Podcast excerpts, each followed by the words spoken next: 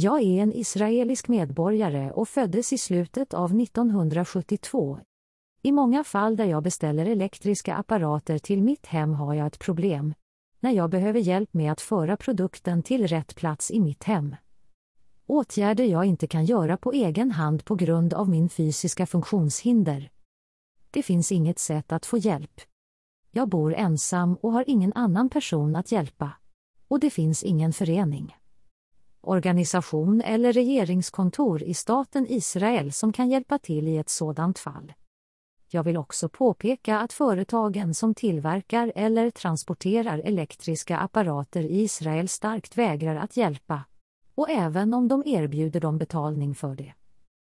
Naturligtvis i nästan alla fall där jag lyckas hitta ett företag som är redo att hjälpa.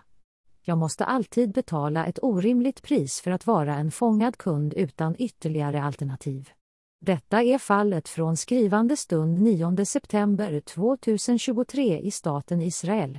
Jag vet inte vad situationen är på detta område i länder eller regioner i världen. I alla fall.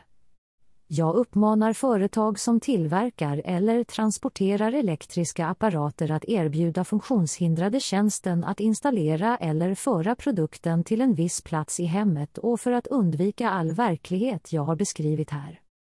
Vänliga hälsningar. Asaf Beniamini